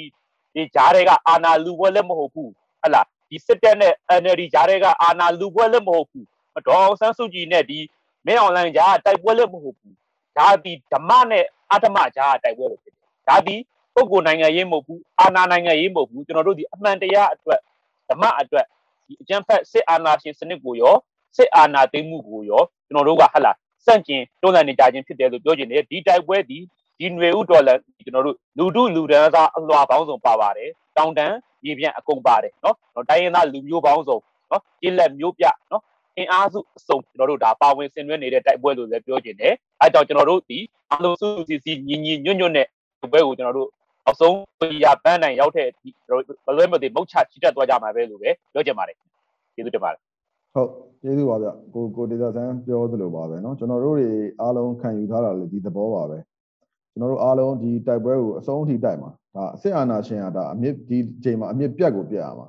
ဘာဖြစ်လို့လဲဆိုတော့ဒီလိုမျိုးကျွန်တော်တို့အမြင့်မဖြတ်နိုင်ခဲ့လို့ပေါ့နော်ဒါရှေ့ကာလတွေမှာအမြင့်မဖြတ်နိုင်ခဲ့လို့တကြောပြန်ဒီလိုမျိုးအာဏာတိမ့်ပြီးတော့ဒီလက်နက်နဲ့အနိုင်ကျင့်တဲ့ကိစ္စကိုဒါကျွန်တော်တို့ဒါခံရတယ်ပေါ့နော်အဲ့တော့စဉ်းစားကြည့်ရင်ကျွန်တော်တို့ဒီစစ်စစ်တပ်ကဆိုရင်ခုနကအများတဲ့တဲ့ခံရစလို့ပေါ့ဗျာအခုချိန်အထိလည်းတတ်တာဖြတ်တာတွေကမရက်သေးဘူးဆရာတို့သူတို့တရက်ထက်ပြီးအုပ်ဆိုးလေကျွန်တော်တို့ပြည်သူတွေအပြစ်မဲ့ပြည်သူတွေနောက်ထပ်ထပ်သေးရလေပဲအဲ့တော့ကျွန်တော်တို့ကတိုက်ပွဲကိုစောစောနဲ့မြန်မြန်နဲ့အမြန်ဆုံးတော့ကျွန်တော်တို့ဒါပြီးအောင်တိုက်ဖို့ကျွန်တော်တို့ဒါလုပ်ကြရမှာပေါ့နော် အဲ့တော့အဲ့တော့ဟိုကိုနိုင်ထူးအောင်ကိုကျွန်တော်ဒီထပ်ပြီးတော့လေဆွေးနွေးစေချင်တာကအခုဒါကျွန်တော်တို့ဒါကိုဒေတာဆန်းတို့စခဲ့တယ်ပြီးတော့နိုင်ငံလုံးပါလာတယ်နောက်ပြီး CDN လှုပ်ရှားမှုတွေအားကောင်းလာတယ်နောက်ပြီးတဲ့အခါမှာအဲဘယ်လိုခေါ်မလဲဒီ CDN လှုပ်ရှားမှုဆိုရင်လည်းဗျာဒါတကယ်ဒါကဘာမှာတကယ်ကိုစံပြူလောက်เสียလှုပ်ရှားမှုအဖြစ်နဲ့ဒါကျွန်တော်တို့မှတ်တမ်းဝင်တယ်ပေါ့နော်ဒါ ဒီစစ်ကောင်စီရဲ့ရန်တရားတွေအကုန်လုံးအဲပြက်ကုန်တဲ့အနေအထားမျိုးလေးတွေဖြစ်သွားတယ်ပေါ့နော်အဲအဲ့လိုအနေအထားမျိုးကနေကျွန်တော်တို့သူတို့ပြက်ခတ်နှိမ်နေတဲ့ဟာမျိုးတွေရှိလာတယ်ပေါ့ အဲ့ရနေစခဲ့တဲ့တော်လန်ရေးဟာအခုတော့ကျွန်တော်တို့ဒါနည်းနည်းပုံစံဖြည်းဖြည်းနဲ့ပြောင်းလာတယ်ပေါ့နော်ပုံစံပြောင်းလာတဲ့ဟာကဘာလဲဆိုတော့တစ်ဖက်သက်အသက်ခံနေရတာပေါ့နော်တစ်ဖက်သက်အသက်ခံနေရတယ်ဟိုပြည်သူကအတူတစ်ချောင်းမှမပါဘဲနဲ့ငင်းငင်းတော့ဆန္ဒပြနေတာကိုခေါင်းကြီးပဲတည်ပြစ်တယ်နော်တကယ်ကိုရည်ရွယ်ချက်ရှိရှိနဲ့နော်ရည်ရွယ်ချက်ရှိရှိနဲ့ချိန်ပြီးတော့ပြစ်တာပေါ့နော်အဲ့အဲ့မှာလဲအဲ့လိုချိန်ပြီးပြစ်တယ်ဆိုတာလဲအောက်ခြေတယ်မဟုတ်ဘူးအမိန်ပေးရလူရှိလို့ပြစ်ကြတာပဲရှင်းရှင်းလေးပဲအဲ့တော့ဒီလိုမျိုးတစ်ဖက်သက်ကြီးပြစ်ခတ်နှိမ်နေတယ်နော်အကုန်တစ်ဖက်သက်အနိုင်ကျင့်တဲ့ကိစ္စတွေပေါ်မှာပြည်သူလူထုအနေနဲ့က မဖြစ်မနေခုခံကာကွယ်ဖို့လိုအပ်လာတယ်ဆိုတဲ့အနေအထားတစ်ခုပေါ့နော်အဲဒါမျိုးအနေအထားကိုကျွန်တော်တို့ရောက်လာတယ်ပေါ့ရောက်လာပြီးတဲ့အခါမှာလည်းဒါအခုပြည်သူခုခံကာကွယ်စစ်ဆိုတာလည်းဒါစတင်တယ်ပေါ့နော်ဒါကိုနောက်နိုင်ထူအောင်အနောက်ကအလံကြီးဆိုရင်ဒါကျွန်တော်တို့ရဲ့အာပြည်သူကာကွယ်ရေးတပ်မတော်နော်ဒါဆိုရင်လည်းတစ်ချိန်ကြာရင်ဒါ Federal Army ကျွန်တော်တို့အခုစစ်တပ်ကိုမလိုချင်ဘူးဗျာရှင်းရှင်းလေးပဲမင်း online နဲ့စစ်ဗိုလ်ချုပ်တွေဟိုတေချာဘယ်လိုခေါ်မလဲ brain wash လုပ်ပြီးတော့ပေါ့နော်ဒီတိုင်းပြည်ကိုနှိပ်စက်ရုံတက်တက်တိုင်းပြည်ကိုအမျက်ထုတ်ရုံတက်တက်တိုင်းပြည်ကိုဂုံသွေးဆုံရုံတက်တက်လုပ်နေတဲ့အခုလက်ရှိ ဓမ္မတက်မတော်ဆိုတာကိုလုံးဝမလိုချင်ဘူးကျွန်တော်တို့ကျွန်တော်တို့သွားကျင်တာ Federal Army right Federal Army ရဲ့အမရီဖြစ်တဲ့ PDF ပေါ့နော် PDF ဆိုတာလည်းပေါ်လာပြီအဲ့တော့ဆရာကြီးဒေါက်တာဇော်ဝေဆိုပြောတာကျွန်တော်မှတ်မိသေးရကြ PDF ဆိုလို့တဲ့ဟိုကျွန်တော်တောထဲမှာလက်နက်ကင်နေတဲ့စစ်တင်နဲ့တက်နေတဲ့သူတွေကိုပဲ PDF လို့မထင်နဲ့တတိုင်းငံလုံး PDF တဲ့ပြည်သူအားလုံးက PDF ပဲတဲ့နော်ဒါဒါဒါလည်းတကယ်မှန်တယ်တကယ်မှန်တယ်တကယ်လဲဟိုတိုက်ကြပြီဆိုရင်တော့ကျွန်တော်ထင်တယ်ဗျဓာတ်နဲ့ထွက်လာမဲ့လူတွေရှိတယ်ရောင်းမခံပြီးထွက်လာမဲ့လူတွေရှိတယ် ဆိုဆိုလိုတာရေနွေးဘူးနဲ့လောင်းခဲ့တဲ့လူတွေရှိခဲ့တယ်ဒါမျိုးတွေပေါ့နော်အဲ့တော့အဲ့တော့ဒီအနေထားလေးနဲ့ပတ်သက်ပြီးတော့ဒါကိုနိုင်ထူအောင်ဆိုရင်လည်းပဲဒါ MOD မှာ MOD မှာဒါတာဝန်ယူထားတဲ့သူပေါ့နော် MOD ရဲ့ဒါအတွင်းဝင်လို့လည်းကျွန်တော်သိထားပါတယ်အဲ့တော့ကြောင့်မလို့ဒီလိုမျိုးအဲ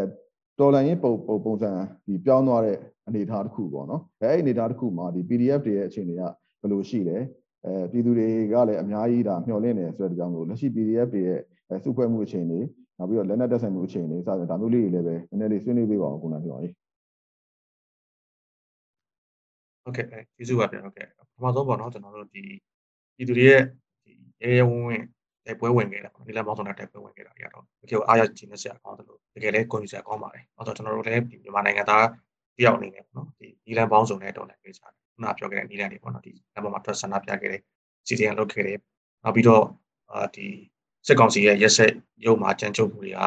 ပြည်သူတွေပေါ်မှာများစွာကျူးလွန်လာတဲ့အခါမှာလည်းရရလက်နက်နဲ့ပေါ့နော်ကျွန်တော်ဒီခုခံတွန်းလှန်တဲ့စစ်ကိုကျွန်တော်စတင်ခဲ့ကြတယ်ပေါ့နော်ဆက်လက်ခဲ့ကြတယ်။ဒီကမှာကျွန်တော်တို့ဒီ NUG အနေနဲ့ကလည်းဒီခုခံတွန်းလှန်မှုကိုစနစ်တကျဖြစ်ဖို့နောက်ပြီးတော့ပုံမှုပြီးတော့ဒီစူးစီးမှုအားကောင်းကောင်းနဲ့ဆောင်ရွက်နိုင်ဖို့ဆို PDF ကိုကျွန်တော်ဒါဖွဲ့စည်းခဲ့တယ်ပေါ့ဖွဲ့စည်းခဲ့တယ်တကယ်တော့ဒါပြည်သူတွေရဲ့အဲ PDF ပေါ်ပေါက်လာတာပေါ့ဒါပြည်သူတွေရဲ့တရားမှုတွေကိုဒီနီလန်ပေါင်းစုံနဲ့ခုခံပြီးဆိုတဲ့စိတ်တဲ့ကြောင့်ပေါ်ပေါက်လာတာ ပါပြောတာတော့ပြည်သူကပေါ်ပေါ်ရဲ့တက်မှာဒါ PDF ကစစ်စစ်ပါပြည်သူပြည်သူတွေရဲ့ကိုပြည်သူတွေကိုကာကွယ်ကြမယ်ဆိုတဲ့စိတ်နဲ့ပေါ်ပေါက်လာခဲ့တာဖြစ်ပါတယ်ဒါကိုကျွန်တော် NUG ကဒါကို organize လုပ်ပေးတာပဲဖြစ်တယ်တကယ်တော့ဒါပြည်သူတွေကြားကနေပေါ်ပေါက်လာတာဖြစ်တယ်အဲ့တော့ဒီ PDF ရဲ့တန်တွေကိုက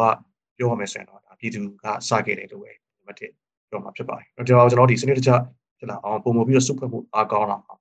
ကျွန်တော်ဒီကြိုးပမ်းဆောင်ရွက်ခဲ့ပါတယ်။တကယ်တော့ဒီစစ်တပ်တက်တီထောင်ဖို့အတွက်ဒါ6လလောက်ကာလဆိုတော့တော်တော်လေးကိုတိုးတောင်းတဲ့ကာလလို့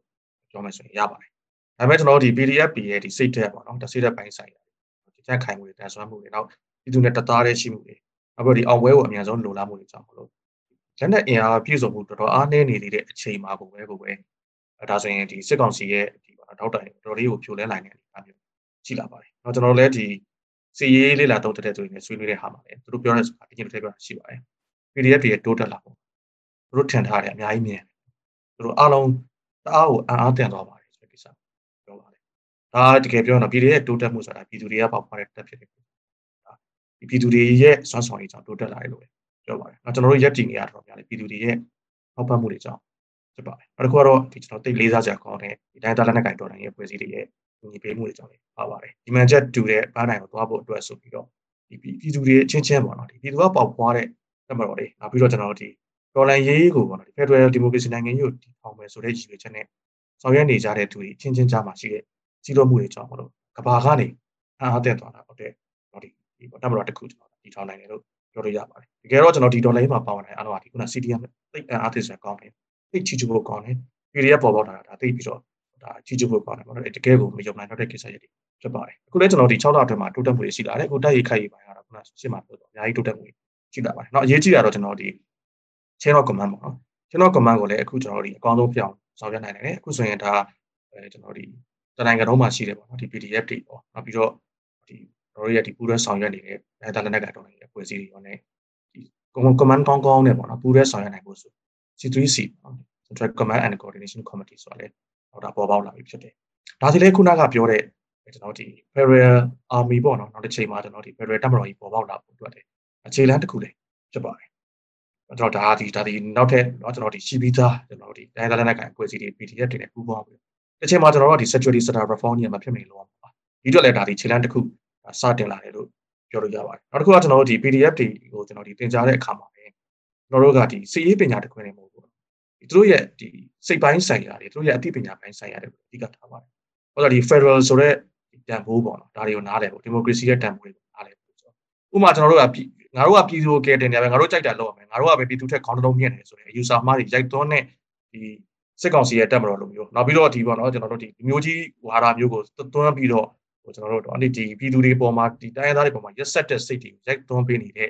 ကျွန်တော်ဒီစစ်ကောင်စီရဲ့တက်မျိုးမဟုတ်ဘဲနဲ့တကယ်ကို Federal Democracy Values တွေကိုရင်းနှီးကနေပါလာတဲ့နှလုံးသားထဲမှာပါလာတဲ့ဒီတန်ဖိုးတွေကိုတန်ဖိုးထားတဲ့ကျွန်တော် PDF တွေဖြစ်အောင်လည်းကျွန်တော်တို့ဝေးထုတ်နေပါတယ်ဒီဟာမှာလည်းတိုးတက်မှုတွေအများကြီးရှိပါတယ်နောက်တစ်ခုကတော့ကျွန်တော်ဒီ PDF တွေကတော်လန်ရေးတွေမှာ ဒီ EU ပေါ့နော်ဒီတိုင်းသားလက်နက်ကိုင်တော်လိုင်းရေးအဖွဲ့ကြီးလို့မြန်မာတို့တွဲတော့ပြီးတော့မှတ်ပါတယ်ပေါ့နော်ဒီဒီတိုင်းသားလက်နက်ကိုင်တော်လိုင်းရေးအဖွဲ့အစည်းတွေရဲ့နေမြေတွေမှာတချို့ဆိုတဲ့ဒါတင်ကြားခဲ့တယ်ကြီးပြင်းခဲ့တယ်ရှိတဲ့အခါမှာသူတို့ရဲ့စိတ်ထဲမှာပို့ပြီးတော့စာနာမှုတွေပို့ပြီးတော့နားလည်မှုတွေရှိလာခဲ့တယ်အရင်တော့ဆိုရင်ကျွန်တော်ကဒီမဘတ်မှာရှိတယ်ပေါ့နော်ကျွန်တော်ဒီမြန်မာနိုင်ငံအလဲပိုင်းမှာရှိတယ်ဟိုကျွန်တော်တို့မြန်မာနိုင်ငံအလဲပိုင်းတွေပါဟိုကျွန်တော်ဒီကျွန်တော်ပြည်သူတွေမှာဒီတိုင်းသားတွေရဲ့ခံစားချက်တွေပေါ်မှာနားမလည်နိုင်တာလေးတွေတွေ့ကြုံကြမရှိရတာတွေရှိနိုင်တယ်အခု PDF တွေမှာဒါတွေရှိလာတယ်ဒါတွေလည်းတစ်ချိန်မှာကျွန်တော်ဒါ Federal ကျွန်တော်ဒီပြည်တော်စုကြီးတည်ထောင်တဲ့အတွက်ခါမှာ Federal Army တည်ထောင်တဲ့ပေါ့နော်ဒီ Federal တပ်မတော်တည်ထောင်တဲ့နေရာမှာအများကြီးထောက်ကူဖြစ်စေမှာဖြစ်ပါတယ်နောက်တစ်ခုကတော့ကျွန်တော်ဒီပြည်သူကာကွယ်ဖို့အတွက်အများဆုံးပြီးစီးဖို့ဆိုတဲ့ကိစ္စကိုလည်းတော့ကာကွယ်ရေးဝန်ကြီးဌာနဟောဒီကာကွယ်ရေးနဲ့ပတ်သက်တဲ့တာဝန်ရှိပုဂ္ဂိုလ်တွေဆောင်ရွက်နေပါတယ်ဒါပေမဲ့တခုတော့ရှိတာကကျွန်တော်နီးဗျူဟာမဟာဗျူဟာမှာကျတော့ဟိုကျွန်တော်တို့ကဒီပြီးချင်စောနဲ့ logic ပြီးအမှားတွေမလုပ်မိဖို့လေလိုပါတယ်ဥပမာလက်ဝဲပွဲတပွဲမှာဆိုရင်ကျွန်တော်တို့ဒါနိုင်ယူနိုင်ဖို့ဆိုရင်ကို့မှာအားတာချက်ပါရှိတယ်ကို့မှာအားနိုင်ချက်ပါရှိတယ်ကိုကခွာပြီးထိုးရတာလားကိုကပူးပြီးတော့ထိုးရမှာ ဒါတွေကိုကျွန်တော်တို့ကမဟာဗျူဟာကြနဲ့လုပ်ဖို့လိုပါတယ်အဲ့ဒီကြတော့ကျွန်တော်တို့ကနေပြီးတော့ဒီပေါ့နော်ဟိုကျွန်တော်နိုင်ချင်စောတစ်ခုနဲ့မဟုတ်ဘဲနဲ့မဟာဗျူဟာနဲ့သွားဖို့တင်လိုတဲ့အခါမှာတော့ကျွန်တော်တို့ရဲ့မဟာဗျူဟာဒီအများဆုံးပြီးဆုံးအောင်ဆွဲထားတဲ့မဟာဗျူဟာဖြစ်ပါတယ်သို့တော်လည်းပဲကျွန်တော်တို့ဒါစိတ်ဆန္ဒတွေနောက်ကိုအရင်လိုက်ပြီးတော့ပေါ့နော်ကျွန်တော်ဒီတော်နယ်ရေးထိခိုက်သွားမျိုးမဖြစ်အောင်လည်းအားလုံးကိုတတိနဲ့မဟာဗျူဟာတခြားကြီးကပ်ဖို့တင်လိုပါတယ်အဲကြောင့်ကျွန်တော်အများဆုံးပြီးစီအောင်ဆောင်ရွက်နေပါတယ်အဲဒါပေမဲ့ကျွန်တော်ဒီအားမရတာလေးမကျေနပ်တာလေးတွေလည်းတချို့ပေါ့နော်ဒီတိတ်ပြီးတော့အများဆုံးပြီးစင်တဲ့အခါမှာပေါ့နော်ဒီစန္ဒာလေးတွေစောတာလေးတွေရှိပါတယ်ဒါပေမဲ့ကျွန်တော်လည်းအများဆုံးပြီးစင်တဲ့ စိတ်ရှိပါတယ်လို့ဒါပေမဲ့အားလုံးကစီးရေးဆိုတာဟိုမာဘီဝါမှာအခြေခံပြီးချိကရတာဖြစ်တဲ့အတွက်ကြောင့်မလို့ဒါလေးကိုတော့အားလုံးနားလည်ပြီးတော့ပေးကြဖို့အတွက်လည်းတော့ကျွန်တော်ကဒါလေးကိုပြတာရခံဆိုဟုတ်ကဲ့ပါကျေးဇူးတင်ပါတယ်အဲဟိုလီကျွန်တော်ကိုနန်တူအောင်ဖြေသွားတဲ့ဟာတွေကိုနားထောင်နေနေမှာခုနကချို့ကြောက်လဲဒါအားမလို့အားမရဖြစ်ကြတာပေါ့နော်အားမလို့အားမရဖြစ်တဲ့မတိုက်သေးဘူးလားဆိုတာမျိုးပေါ့နော်အဲနောက်ပြီးတော့အခုနည်းနည်းကျွန်တော်တို့ကြားနေရမြင်နေရတယ်ပါလဲဆိုတော့ တချို့တွေကခွဲပြီးတော့မြင်နေတာပေါ့နော်ကျွန်တော်တို့ NUG ရဲ့အောက်က PDF ဆိုတာရယ်နောက်ပြီးတော့ LDF ပေါ့နော် Local Defense Force ရယ်ဆိုတာမျိုးခွဲမြင်နေပြီးတော့ NUG ကမတိုက်သေးပဲနဲ့ LDF တွေကပဲတိုက်နေတယ်ဆိုတဲ့အမြင်မျိုးပေါ့နော်အဲအဲ့လိုမျိုးတွေကျွန်တော်တို့အဲကြားနေရတယ်ပေါ့နော်အဲအဲ့အဲ့အနေထားလေးရောကိုနိုင်ထူအောင်နည်းနည်းလေးရှင်းပြလို့ရကြဒီလောက်လေးရှင်းပြပါအောင်ဗျဟုတ်ကဲ့ခင်ဗျဟိုကျွန်တော်တို့ဒီရှေ့မှာလေးကဟိုကျွန်တော်တို့ဒီဟိုပြောခဲ့တာလေးရှိပါတယ်ဘာလို့လဲဆိုတော့ကျွန်တော်ဒီပြည်သူတွေကနေပြီးတော့ ဒီဒေါ်လာရေးပေါ့နော်လက်နက်ကိုင်ဒေါ်လာမှဖြစ်မယ်ဆိုတဲ့အနေအထားမျိုးကြောင့်စခဲ့တာတကယ်ပြောရတော့ NUG မပေါ်ခင်လေးရတော့မှဟိုကျွန်တော်တို့ကနော်ဒီဒီလက်နက်ကိုကန်ပြီးကာကွယ်ရတဲ့ခုခံစစ်ကစနေပြီလို့ပြောလို့ရတယ်ရှိတယ်ကျွန်တော်ဒါကို organize လုပ်ရတယ်ပေါ့နော်ကျွန်တော်ဒီတန်းတန်းတွေပေးရတယ်ရှိတယ်ပေါ့နော်အဲ့တော့ဒီ LDF ဆိုတာတွေကတော့ကျွန်တော်တို့ဒီကျွန်တော်တို့လည်းချိတ်ဆက်မိလာတဲ့အဖွဲ့အစည်းလေးရှိတယ်တချို့ကလည်းဟိုကျွန်တော်တို့ဒီတန်းတန်းတွေဆင်းပြီးတော့ data ကိုပြန်သွားတယ်ပေါ့နော်အဲ့တော့အင်အားတွေနဲ့စတင်ရတဲ့အခါမှာဟိုအင်အားကဟိုဒီတရင်တွေပါညာဖွဲ့လောက်မပြည့်သေးတဲ့အခါမှာတို့ဒီတက်ဖွဲ့ပုံစံလေးတွေရှိတဲ့သူတွေနဲ့စခင်ရတော့ အာဒီ look look at the front post ဆိုတဲ့ပုံစံမျိုးဖြစ်သွားတာပေါ့ဒါပေမဲ့နောက်ပိုင်းမှာကျွန်တော်ဒီအင်အားတွေစုဖွဲ့လာတဲ့နိုင်ရဲ့အခါမှာတရင်တက်ဖွဲ့ပုံစံမျိုးတွေဖွဲ့စည်းပြီးဆိုတော့တချို့ local LDF ပေါ့နော်ကျွန်တော်ဒီ look at the front post လို့ပဲ LDF တွေဆိုတာကတချို့အဖွဲ့အစည်းတွေကငကိုလဲကကျွန်တော်တို့ဒီ Ministry of Defense နဲ့ချိတ်ဆက်ပြီးသားရှိတာဖြစ်ပါတယ်တချို့ကြလည်းဟိုကျွန်တော်တို့ဒီဘောနော်ဒီပြည်သူရစတီတီထောင်တယ်နောက်ကျွန်တော်တို့ဒီချိတ်ဆက်တယ်ဆိုတာမျိုးတွေရှိပါတယ်ဒါပေမဲ့ကျွန်တော်တို့ခုနပြောနှစ်တာတာပိုင်းမှာတော့အခုနဒီကိုနေဖုန်းနဲ့တို့ပြောခဲ့တယ်ပဲပေါ့နော်ကျွန်တော်တို့ကအာဒီ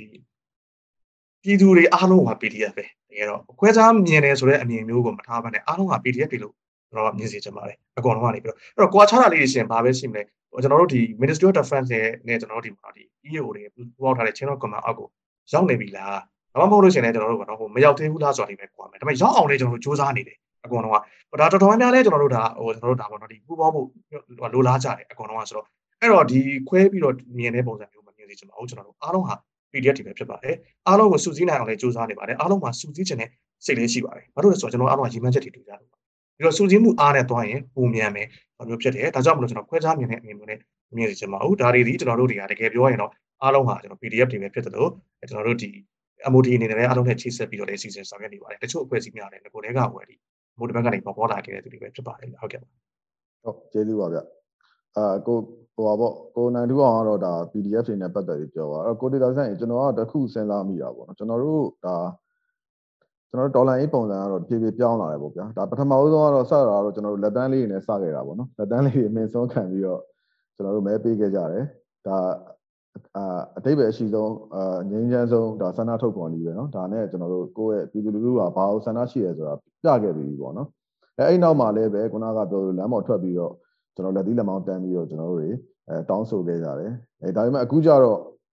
မရတော့ဘူးပေါ့နော်ကျွန်တော်တို့လက်ညှိုးကိုရတော့မယ်ဆိုတဲ့အနေအထားတစ်ခုအဲကျွန်တော်တို့ဖြစ်လာတယ်ပေါ့နော်အဲ့တော့အဲ့အဲ့အနေအထားကျွန်တော်ထင်တယ်တော်လန်ကြီးကပုံစံသာပြောင်းသွားတယ်ကွာခုနကိုနိုင်ထုံးကပြောတဲ့အထက်မှာလည်းပါတယ်ကျွန်တော်တို့ဘုံညီမှန်းချက်ပေါ့နော်ကျွန်တော်တို့မှာတူညီရဲ့ညီမှန်းချက်တစ်ခုရှိတယ်အဲ့လိုပဲကျွန်တော်တို့ရဲ့ဒီတော်လန်ရဲ့အတိတ်ပဲတော်လန်ရဲ့အနှစ်သာဒါတွေကတော့ကျွန်တော်ထင်တယ်ပြောင်းလဲသွားမှာမဟုတ်ဘူးပေါ့နော်အဲ့တော့အဲ့အဲ့အဲ့အနေအထားလေးနဲ့ပတ်သက်ပြီးတော့ဒါကိုဒေတာဆန်းပြောရပါဘာလို့အခုအချိန်လေးရလဲဒါကျွန်တော်ထင်တယ် ဟိုဟို PDF တွေကြီးပဲမဟုတ်ဘူးเนาะပြည်သူတွေရဲ့ခုနကလမ်းပေါ်ကဆန္ဒပြပွဲတွေ CDN တွေဒါတွေအကုန်လုံးကဆက်ပြီးတော့သွားနေရအောင်ပါပဲအဲ့တော့နီးပေါင်းစုံနဲ့ပေါ့နော်ဒေါ်လာရေးရတော့ရှိနေမှာပဲအဲ့ဒါလေးအဲ့အနေထားလေးကိုကိုရီးယားဆက်နည်းနည်းလေးဆွေးနွေးပြပါအောင်ဗျဟုတ်ကဲ့ဟုတ်ဟုတ်ပါတယ်ကိုအဲ့တော့ကျွန်တော်တို့ကဒါဟလာအနာသိန်းနဲ့ပြီးကြတဲ့ကလူတို့ကလုံးဝလက်မခံဘူးနီလန်းအစုံနဲ့စန့်ကျင်တာပဲကျွန်တော်တို့ပထမဆုံးလမ်းမတွေထပ်မှာလူတွေသိမ့်နေချီတန်းနေချီပြီးတော့ဗျာဖက်ခဲ့ကြတယ်လက်နဲ့ဆိုလို့ ဘာမှမပါဘူးเนาะကျွန်တော်တို့ဟလာမိမိတို့ကြွေးကြော်တဲ့ဆိုင်မှုတွေတွေကိုကိုင်နေဗျာလက်နဲ့ဆိုလို့အတူတစ်ချောင်းတော့မပါခဲ့ဘူးကျွန်တော်တို့ငင်းညမ်းစွာကျွန်တော်တို့လမ်းမထက်တွေမှာတောင်းဆိုခဲ့တဲ့ကြွေးကြော်တဲ့တွေပေါ်ဖြစ်ခဲ့ကြတယ်ဒါပေမဲ့ကျွန်တော်တို့ကိုဒီစစ်ကောင်စီကပြန်လဲတုံ့ပြန်တာကျွန်တော်တို့ရရှိခဲ့တာကတော့တနက်နေရာတွေပဲဗျကြီးအစ်စ်တင်တော့ဟလာဟလာရာဘာကြီးတို့ရေမြောက်တို့ဆိုတာပထမပိုင်းလေးပဲတိတ်နေရဖဲเนาะအဲ့တော့ကျွန်တော်တို့မန်းမှာ ဘယ်ဘယ်မှာပဲကြည့်လိုက်ပါစစ်ကားတွေနဲ့ဟဲ့လားအစောပိုင်းမှာရောက်လာတယ်ကြမ်းပစ်တယ်တနက်အစ်ကြီးအစ်တွေနဲ့ပစ်တယ်လူတွေသေးတယ်ကျွန်တော်တို့မျက်စိရှိမှာပဲတနည်းတရက်ထဲပဲ9လောင်း10လောင်းဒါဓမ္မပဲဒါတစ်ခါတည်းလားနှစ်ခါလားမကဘူးအကြီးကြီးတစ်ခါနှစ်ခါသုံးခါလေးခါတနေရာတည်းလားမဟုတ်ဘူးတနိုင်ငံလုံးဒီတိုင်းပဲဗျအဲ့တော့ဒီလောက်ထိရဲရဲဆက်ဆက်ဟဲ့လားလက်နက်မဲ့ငင်းချမ်းစွာတောင်းဆိုနေတဲ့ပြည်သူကိုလောက်အကြမ်းဖက် တပ်ဖြတ်နှိပ်စက်နေတဲ့အခါမှာကျွန်တော်တို့မှာရွေးချယ်စရာလမ်းကအများကြီးမရှိတော့ဘူးဗျအဲကျွန်တော်တို့အများအားဖြင့်စာရေးဆရာကြီးဗမော်တင်အောင်ရဲ့စကားလေးကျွန်တော်ဒါကိုပဲပြန်ကိုးကားခြင်းတယ်ဓာတ်ကင်ပြီးတော့ဓာတ်မိုးပြီးတော့အကြံဖတ်အုပ်ချုပ်နေတဲ့စစ်အာဏာရှင်ကိုကျွန်တော်တို့ကလည်းဓာတ်ကင်ပြီးတော့ပြန်လဲတွန်းလှန်ဖို့ကလွဲပြီးတခြားကျွန်တော်တို့မှာရွေးချယ်စရာမရှိတော့ဘူးဒါကြောင့်ဒီနေ့ကျွန်တော်တို့ဟလာ PDF တွေအပါအဝင် LDF တွေအပါအဝင်ကျွန်တော်တို့ဟလာကျွန်တော်တို့ တိုင်းရင်းသားတော်လှန်ရေးအဖွဲ့အစည်းတွေ EAO တွေအပါအဝင်ဆင်နွှဲနေတဲ့ဒီခုခံတော်လှန်စစ်ဆိုတာဒါဒီတရားမျှတတဲ့စစ်ဖြစ်တယ်เนาะကျွန်တော်တို့เนาะဒါကိုအလေးနဲ့ပြောချင်တယ်ဒါတွေကျွန်တော်တို့စာနေရန်လို့တဲ့ဖြစ်ချင်းဖြစ်စိတ်အကာတတွေအမုန်းတရားတွေကျွန်တော်တို့ကဒီတော်လန်စစ်ခုခံစစ်ကိုဆင်နွှဲနေတာမဟုတ်ဘူးဆိုတာလေဒါအလေးနဲ့လေးပြောချင်တယ်ဒါအရေးလည်းကြီးတယ်လို့ကျွန်တော်ထင်တယ်ဒါနဲ့ပတ်သက်ပြီးတော့ကျွန်တော်ကြားဘူးတယ် အဲဒီဝေးကနာအတွင်းဝင်ကိုနိုင်ကတော့သူပိုးသိမယ်ပေါ့ဒီတရှင်းဘသူကရေးတယ်ကျွန်တော်တော့မသိကျွန်တော်ရှင်းတယ်ဟောလောက်က6လပိုင်း7လပိုင်းလောက်ကနေကျွန်တော်တို့ဒီ PDF လာပြီးဆိုတဲ့တချင်းလေးကျွန်တော် Facebook ကနေနားထောင်မိတယ်တော့ဒီရှင်းရတာစာရမတလွတ်လပ်ခြင်းအတွက် PDF လာကျွန်တော်ဒီ အကြောင်းမဲ့လူသက်ရှင်တာမဟုတ်ဘူးတကယ်ဒီနိုင်ငံကိုတရားမျှတခြင်းလွတ်လပ်ခြင်းတွေကိုပေါ်ဆောင်မှုရတယ်ကျွန်တော်တို့ PDF ကလာဟာလားဒီ PDF တက်မတော့ပါဘူးနော်အဲ့တော့ဖွင့်တူညီမြငင်းချမ်းရမည်ပြည်တော်စုသစ်ပြီဒါအဓိကကျွန်တော်တို့ရည်ရွယ်ချက်ပဲလीဒီနိုင်ငံမှာကျွန်တော်တရားမျှတခြင်းတွေရှိရမယ်ဖွင့်တူညီမြဝါဒပြုစင်ရမယ်ကျွန်တော်တို့ပြည်တော်စုသစ်နိုင်ငံတော်သစ်တစ်ခုကိုကျွန်တော်တို့ကတည်ဆောက်ပါဒါဒီကျွန်တော်တို့ဒီຫນွေဥတော်လည်းရဲ့အတိတ်ပဲဖြစ်တယ်ဆိုတာကိုပြောလို့တယ်နောက်ထပ်အရေးကြီးဆုံးအနှစ်သာရရှိဆိုကျွန်တော်အကြိုက်ဆုံးကဉာဏ်ပညာကရှစ်ဆောင်နိုင်ပြီ ဖြူစင်ဝါဒတီသူတို့အသိဉာဏ်ပညာကရှစ်ဆောင်တဲ့တော်လှန်ရေးဖြစ်တယ်လက်နက်ကင်တာအမုန်းတရားတွေအာဃာတတွေနဲ့ကင်တာမဟုတ်ဘူးအသိဉာဏ်ပညာကရှစ်ဆောင်လို့ဒီနေ့ပြောရင်ဒီတိုင်းပြည်ကိုချစ်လို့လို့လက်နက်ကင်တော်ရတာဗျာအဲပြောချင်တာဒီတော်လှန်ရေးဒီလက်နက်ပဲကင်ကင်ဟဲ့လားနော်ကျွန်တော်တို့ဘာပဲလို့လို့ကျွန်တော်တို့ကြိုက်တဲ့တော်လှန်ရေးနီးနာကိုသုံးဒါပေမဲ့ကျွန်တော်တို့ရဲ့စိတ်အခံကတော့ဒီဉာဏ်ပညာနဲ့ချစ်ချင်းမေတ္တာတရားကဥဆောင်ပြီးတော့တော်လှန်နေတယ်ဆိုတော့ပြောချင်တယ် ဒါကိုဒီအားလုံးဒီဒီအားနဲ့ပတ်သက်တသွေးတဲ့တသားတည်းရှိတယ်လို့ကျွန်တော်နားလည်တယ်ဒီလိုပဲခံယူဒါကြောင့်ကျွန်တော်တို့ချုပ်ပြောရမယ်ဆိုကျွန်တော်တို့ဒီຫນွေဥတော်လန်ရေးမှာကျွန်တော်တို့အမြဲတမ်းပြောတယ်တော်လန်ရေးရဲ့တောက်တိုင်ကြီးတွေရှိတယ်ဒီချိန်မှာတော့အရေးအကြီးဆုံးနဲ့เนาะကျွန်တော်တို့အားအကောင်းဆုံးလည်းဖြစ်တယ်လို့ကျွန်တော်တို့လူလူတရက်လုံးကလည်းပါဝင်နေတာတော့ဒီခုခံတော်လန်စစ်ဖြစ်တယ်เนาะခုခံတော်လန်စစ်ဖြစ်တယ်ဒီ PDF တွေဟာလား LDF တွေကျွန်တော်တို့ EAO တွေအားလုံးပါဝင်တဲ့ခုခံတော်လန်စစ်ရှိတယ်လို့ကြပြိုင်နဲ့မှာပဲကျွန်တော်တို့ဒုတိယဟာလားကျွန်တော်တို့နေတယ်ပြောမယ်ကျွန်တော်တို့ဒီလမ်းမထက်ကတပိတ်တွေ ဒါလည်းအင်မတန်အရေးကြီးတယ်နော်တပိတ်တိုက်ပွဲတွေဒီကျွန်တော်တို့ຫນွေဥတော်လည်းရင်းဟိုတပိတ်တိုက်ပွဲနဲ့ဖွင့်ခဲ့တယ်လို့ဒီနေ့ချိန်ထိရှိနေခြင်းအဖြစ်မြန်မာပြည်သူလူထုကသွေးအေးမသွားဘူးငြိမ်သက်မသွားဘူးစစ်ကောင်စီရဲ့စေအုပ်ချုပ်ရေးရန်ရအောက်မှာဟလာအသားကျမသွားဘူးဆိုတော့ကျွန်တော်တို့ကဘာကိုကျွန်တော်တို့နေ့စဉ်နဲ့အမျှပေါ်ညုံသိကြီးနေတယ်ဟောတတိယကျွန်တော်တို့မန်နိုင်ပြောလို့ရတဲ့ CDN နိုင်ငံဝန်ထမ်းတွေရဲ့ CDN အရေးအသိကြီးတယ်နော်ဒီ CDN ဝန်ထမ်းတွေကြောင့်သာလျှင်ဒီစစ်ကောင်စီရဲ့စစ်အုပ်ချုပ်ရေးရန်ရကြီး လက်ပတ်လို့မရတာအသက်သွင်းလို့မရတာအဲကြောင့်ဒီ CDN သွဲကောင်းတွေဒီကျွန်တော်တို့ရဲ့ဟလာတော်လန်ရေးအတွက်အဓိကမန်တိုင်းတစ်ခုလည်းဖြစ်တယ်လို့ပြောခြင်းတယ်။နောက်ကျွန်တော်တို့စရုပ်ထမန်တိုင်းကျွန်တော်တို့ပြောတယ်ဒီကမ္ဘာအလယ်မှာဒီစစ်ကောင်စီဒီအကြက်ဖက်အုပ်စုသားဖြစ်တဲ့နိုင်ငံတော်နဲ့တင်ပြထားတဲ့အုပ်စုသားဖြစ်တဲ့လုံးဝတရားမဝင်ဘူး။တို့ရဲ့တရားဝင်ကျွန်တော်တို့လူထုကိုကိုစားပြုတာကတော့ကျွန်တော်တို့ဒီအမျိုးသားညီညွတ်ရေးအစိုးရအန်ယူဂျီသားတွေဖြစ်တယ်ဆိုတော့ဒီနိုင်ငံအလယ်ကမ္ဘာပြင်ပြင်းထက်မှာတရားဝင်မှု credential တိုက်ပွဲပေါ်ဗျာ။ နောက်ဆုံးကျွန်တော်တို့ပြင်စမမန်တိုင်းအဖြစ်ကျွန်တော်တို့ပြောကြတာကတော့ဒီဘူးတပိတ်တိုက်ပွဲဘူးတပိတ်ဆိုတော့အားလုံးတည်ပြီးသားပါစစ်ကောင်စီကိုအတိမတ်မပြုဘူးလက်မခံဘူးအဲစရင်မတိုင်ဘူးစစ်တပ်ပိုင်နဲ့စစ်တပ်နဲ့ဆိုင်တဲ့ကုန်စည်နဲ့ဝန်ဆောင်မှုတွေကိုအာမပေးဘူးမဝယ်ယူဘူးဆိုတဲ့ဒီအထွေထွေဘူးတပိတ်တိုက်ပွဲဒါကြောင့်ဒီຫນွေဥတော်လည်းရေးကဒီမန်နိုင်ကြီး9ရက်နဲ့ကျွန်တော်တို့ချစ်တက်နေပါတယ်ကျွန်တော်တို့ဒီမန်နိုင်ကြီး9ရက်လုံးကလည်းအရှိအဟုန်ကောင်းစွာနဲ့ရှိနေပါတယ်လို့ပြောချင်တယ်ကျွန်တော်တို့အားလုံးရဲ့စုံမက်ကတော့ကျွန်တော်တို့ဒီအားလုံးဒီ တသားတည်းဖြစ်တယ်တသွေးတည်းဖြစ်တယ်ကျွန်တော်တို့ကနိုင်ငံတော်တစ်ချစ်တဲ့စနစ်တစ်ခုဟလာ Federal Democracy ပြည်ကိုကျွန်တော်တို့တိဆောက်နေကြခြင်းဖြစ်တယ်လို့ပြောချင်တယ်ဒါကြောင့်ဒီဉာဏ်ပညာနဲ့ချစ်ချင်းမြတ်တာတရားဥဆောင်တဲ့တော်လန်ရေးကပုတ်ချအောင်ကိုအောင်မယ်ဆိုတာလေကြိုးကြည့်တယ်လို့ပြောလိုပါတယ်ကျေးဇူးပါ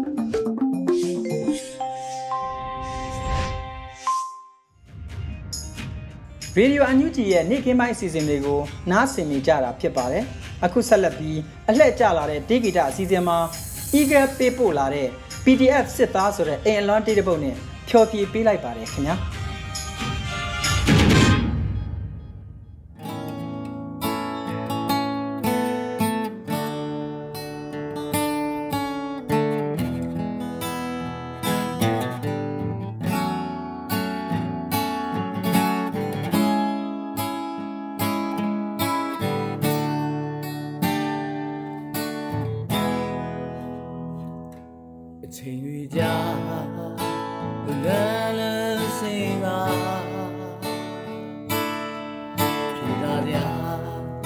တပုံလေးကြ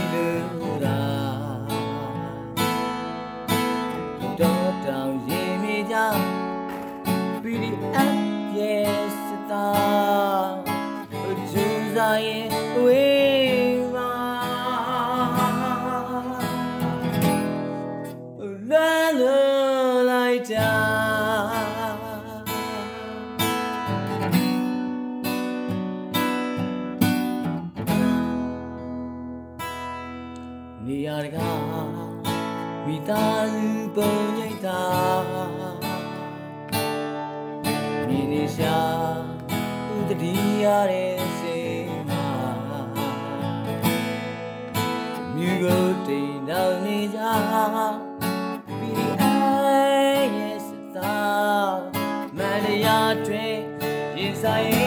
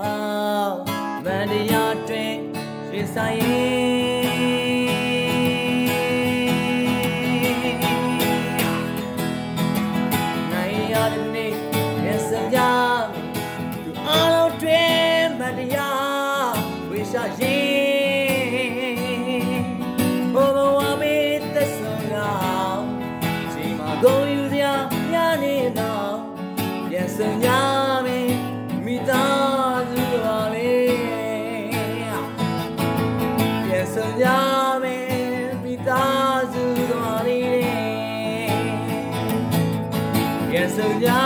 မယ်မိသားစုကဘာလေးတဲ့